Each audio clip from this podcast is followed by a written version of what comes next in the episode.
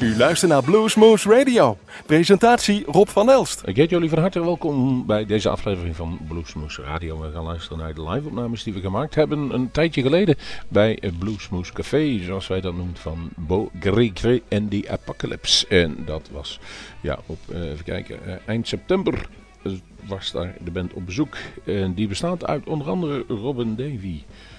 Greta Valenti, Mark Barrett, Steve Maggiore en Ellie Coyle waren daar. En twee namen kunnen nu bekend voorkomen, want die spelen normaal ook in de Hoax. En uh, hij heeft uh, Robin Davy onder andere, creatieve brein, gitarist.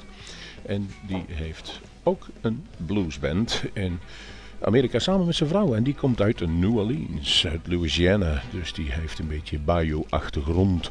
En die waren op bezoek. En die namen, ook nog eens voor de gezelligheid, Guy Forsyth mee. En daar hebben wij al jaren, jaren, jaren heel veel respect voor. En ook een goede band mee. Twee jaar geleden speelden ze met DVL nog bij Bluesmoose. En namen daar een cd op. Um, daar zijn we heel erg dankbaar voor. Maar het werd een hele leuke en een mooie avond. Het is uh, gigantische mooie Southern uh, Bayou muziek geworden. We hebben een interview maar gehad een dag van tevoren. En ik denk, dat interview was zo mooi. Uh, en ook de opnames waren zo uitgebreid dat we er wel een twee uur aflevering van gaan maken. Dus de non-stopper gaat nu ook over in dus Book Recre en die Apocalypse. Ik ga zeggen, we gaan beginnen met Born on the Bayou van Bogerigri en The Apocalypse live bij Bluesmoose Radio. Live vanuit Café Bar is dit Bluesmoose Radio met de beste blues live in ons eigen Bluesmoose Café.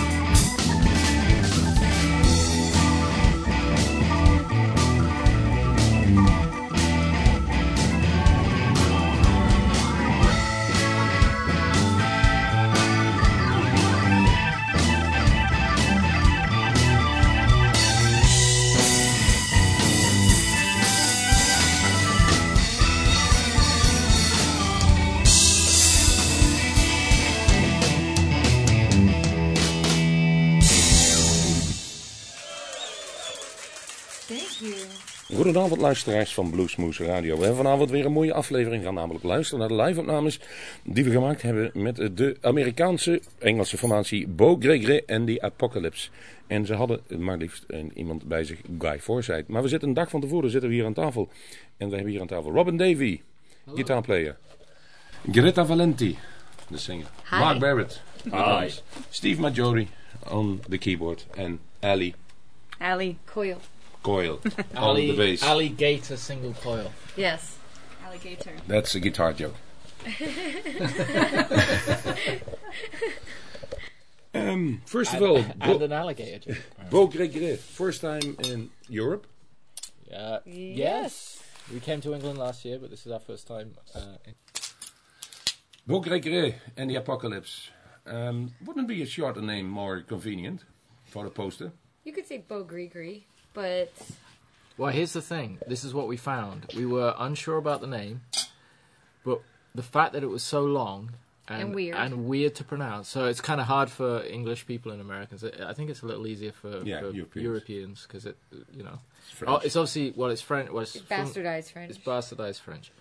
But um, but we found that, that even though Don't want to people people might not get the name, but they Remember. remember, it as being something. So they're always like that. So the band, your your new band, it's Bo Bix Gris Bo- Gris. Folks Folks Gris Gris. But they oh, Bobo remember it, so yeah, it's, said it's Bobo kind Gris of Gris. become this weird thing, like that. That it's a bit awkward, but it's awkwardness is is an advantage, and people it's sticking in people's minds. Maybe we could go for the longest band.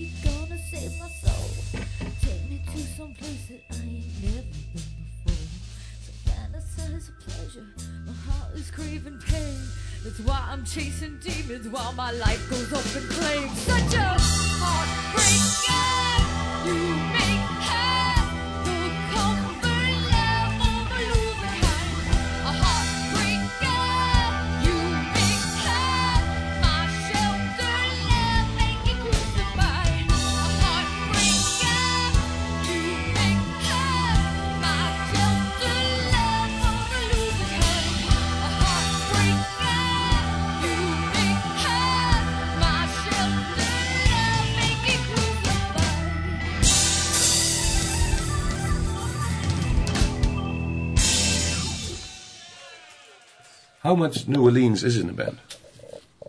Well, Greta is very much The New Bo Orleans. Grigri part, which is me, is a a hundred percent Louisiana in. Mm. So crawfish and po' boys. Oh yeah, Oh yeah. except I can't eat po' boys now because I'm allergic to eggs. But all the crawfish, uh, some crawfish etouffee, some red beans and rice. I get really fat when I go back because it's so good. Everything's fried. But then again, you released a CD, you, you recorded it, and I must say you you um, you recorded pretty fast. We kind of did. Well, we we did a tour in December, then we flew the band out to the states, and we recorded the album in January, and then um, it took us a while to get it mixed. Um, but uh, Yeah. Then well, then we procrastinated, we did procrastinate. and then it. we, and then because I was recording another album for our rock band. I was recording some of those singles, and then I did vocals on Beaux Gris Gris, and then we mixed it. And we Yeah. mixed it kind of. We were mixing up until like the day before we left, and then we had sent the artwork already to get printed, and then the day we left, we sent the uh, audio files off. And they, And you got it with it, yeah. this do Complete.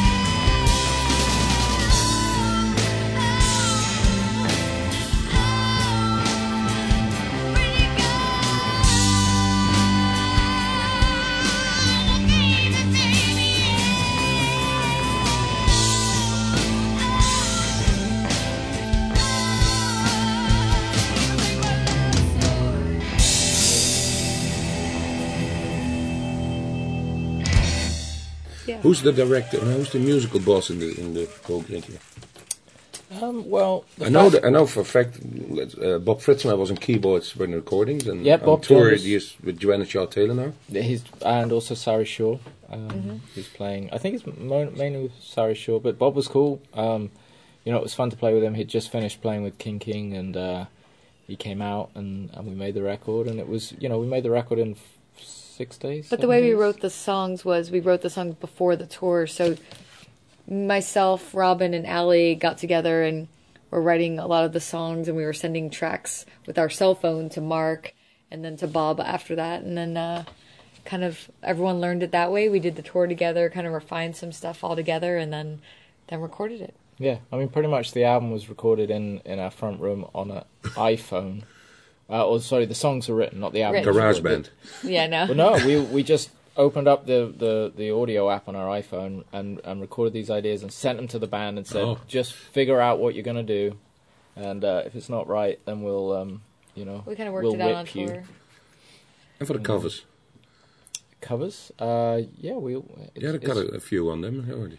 Uh, on the record, it's all our own. On the album, Oh, it's okay, all our that's own. the, the Yeah. EP. there. The EP we did our covers. The EP we yeah. we did covers, and that came about because I booked a tour in the UK based on the on the concept of the band, Yeah. and We're like, I. it's going to be this kind of band. and Gordon and I, we had, you know, we, we kind of talked about it. We You're a naughty boy. we threw a few ideas around, and then I called some of my promoter friends in the UK, and I said, "Hey, I'm doing this. Do you want to book a tour?" And they all said yes. Surprisingly, it must have been a slow month. and um, It's very cold then. yeah, and then we were like, "Oh shit, we have to, we have to write We a have to set. deliver now. Yeah. We literally have to write a set," and and that's what happened.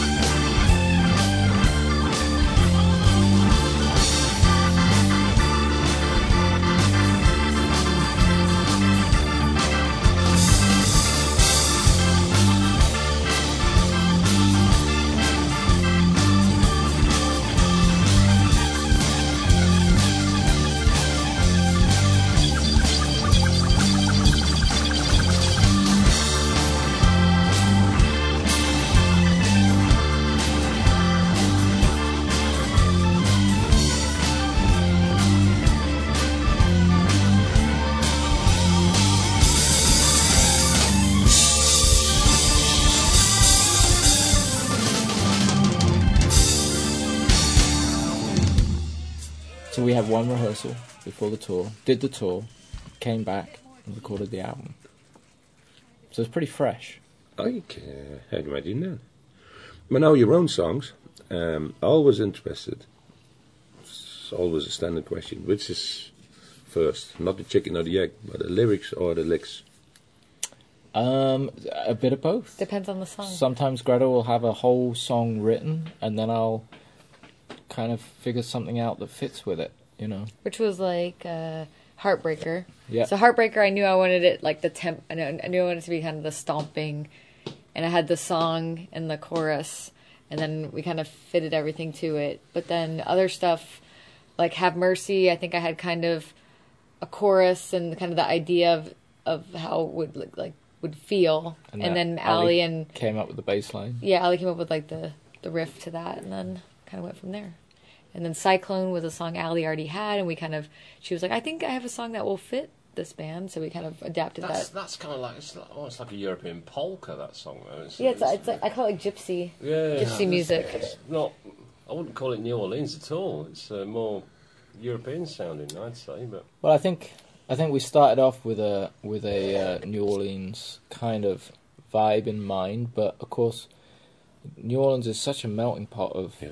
Of musical styles, and then you know, It and then feels as soon French. as it feels gypsy yeah, French. as soon as you branch, like that's that's what I love about the states and the music musical scene there is because if you start off in California and you literally you go down Route 66, or well, they built a freeway next to Route 66, but if you if you take that route, um, you go through these amazing musical towns, you know, and that and then you can go up to Chicago, you can go um, Tulsa, Oklahoma. Tulsa, you know, where you have like people like J.J. Cale and Leon Bridges and stuff, and you know, then you have Austin and uh, and Houston and uh, Dallas and you know, um, you know, and then New Orleans, and it's just such a um, an amazing. Austin, of course. Yeah, I said Austin. Oh, I didn't hear you. Don't start this. Um, it's such an amazing, uh, an array of of, of Is musical Austin on styles. Route 66? No, no, no. No, but you know, Route you kind of you head like here, and then you can like kind of go down. yeah, but did you you know, mention you- Austin? say what? Did you mention Austin? Yes. yeah. Um, I did. Austin. I was talking about Our friend Austin. Austin. Our friend Austin.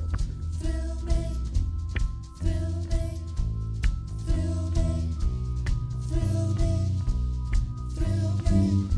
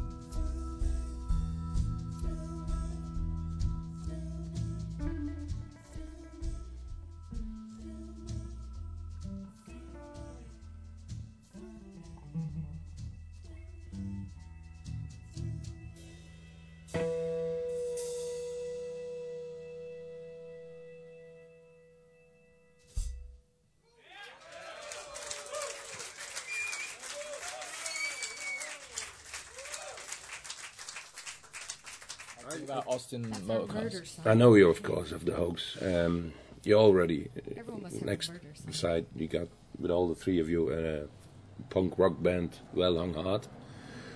And in these songs, and in this um, Bogre there's also some political statements in the songs. How important is it to speak out as a musician or an artist in any form in your music or in what you're doing?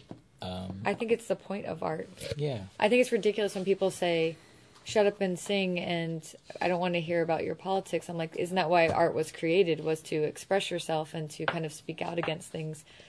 You know, Art can be enjoyable for a lot of people. yeah. I mean, it can be just fun things to, uh, you know, to listen to. But you could just listen to some keys jangle too and think that sounds pretty. Uh, babies love jangling keys. Yeah. But uh, no, I As we call it in Europe, we have a um, uh, gypsy with tears as a uh, hanging on the wall, or a velvet Elvis. oh yeah, Velvet. It enjoys people. What it is, not- right. but it doesn't do it. Yeah. It I think doesn't help. I think it's really important, and more more so, I think it's really important to to realize the effect that um, these um, artists and politicians, ha- uh, sorry, these politicians have on artists, and um, and I think that um, you know some of the best music comes out of um, you you're you being limited in what you can do, and so you're so you find a way to achieve something, and that if you're if you have an investor that's giving you all the money that you you that you need to do everything that you want, I'm not saying anything. Robin. If you have an investor that's giving you all the money you need to do achieve what you want, then then what Robin. what are you then what do you have to say? What do you have, that's what I'm saying. I'm not mentioning names. Stop names. drinking Jaeger. I'm not No, no, mentioning no. names. Stop. I would say this. no, it, it is, he's I'm making a making good, a a valid point. point. I'm making a valid point, and I'm not going to mention names. But you might not even have an investor. You might just. I mean, I know you. Ha- it's you're saying, But isn't this the foundation of blues? yeah. Well, it's the foundation of all, m- Underground protesting in what Or punk situation music. you are. you know, or punk music, or anything where it's you know the new, you know, it's how you're expressing yourself. I mean, I don't think I would be if I didn't have things to talk about. I don't know if I would make, write songs. The point I'm making, the point I'm making is, is not about an individual or anything. It, the, my, my point is, the some I think that some of the best music and art and creativity comes from the fact that, that you're giving given a very limited thing to work with, and you have to make that the grandest thing possible. And I and I so music when when times are oppressed, then people use that oppression because they're like, you can't do this, you can't do that, you can't do that, and they're like, but I want to do something. And that's when their creativity explodes because it's like you've got one guitar and you've only got two strings on it. Do something.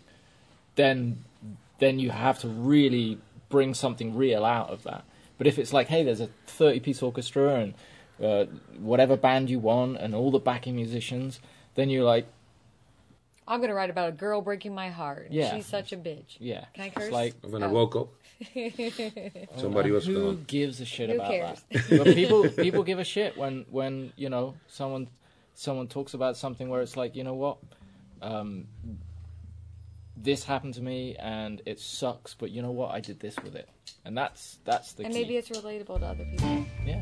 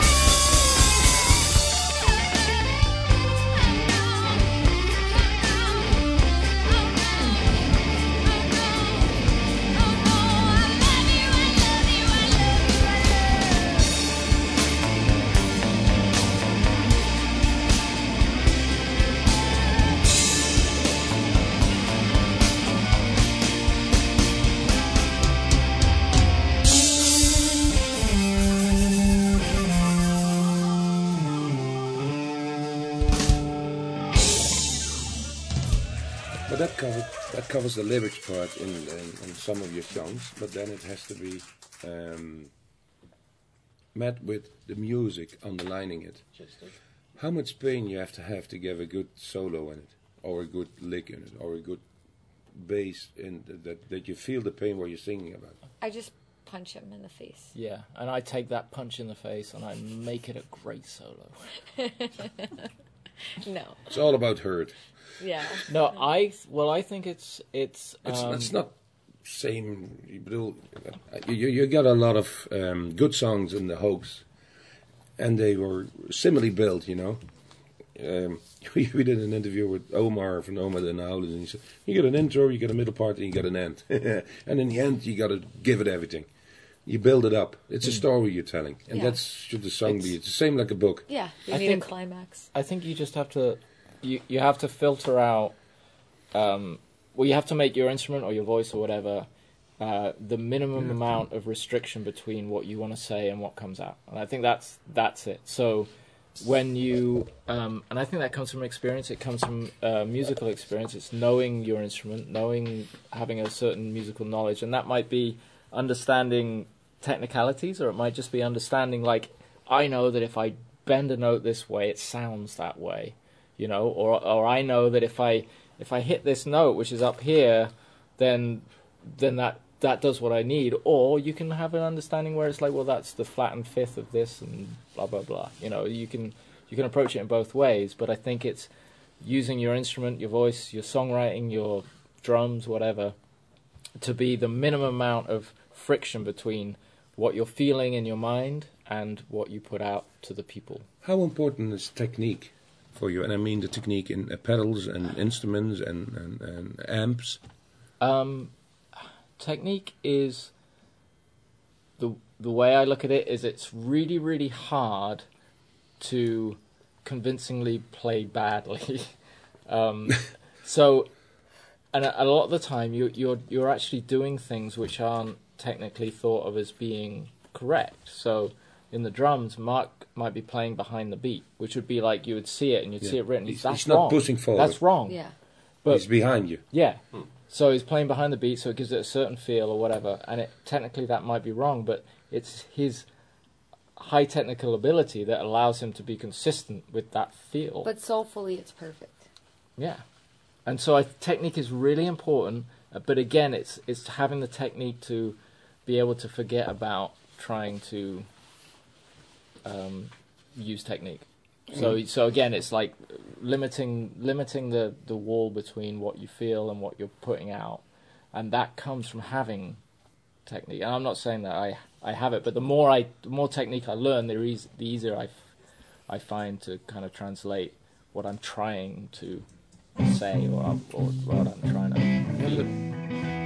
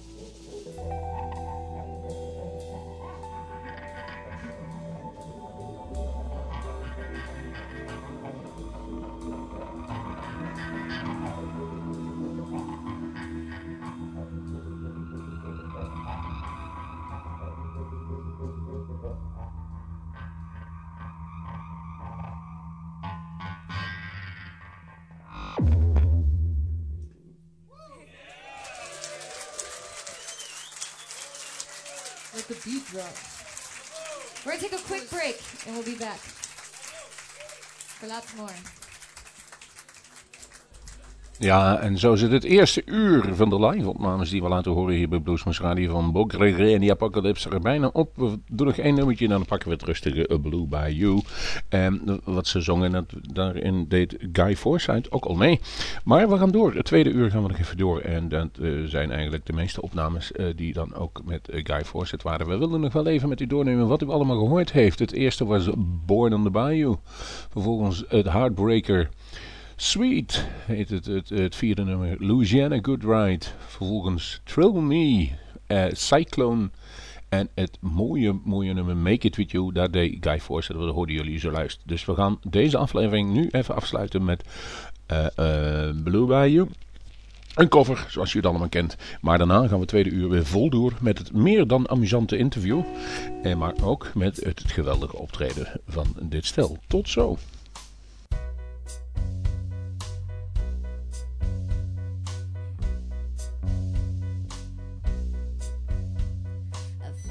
So bad,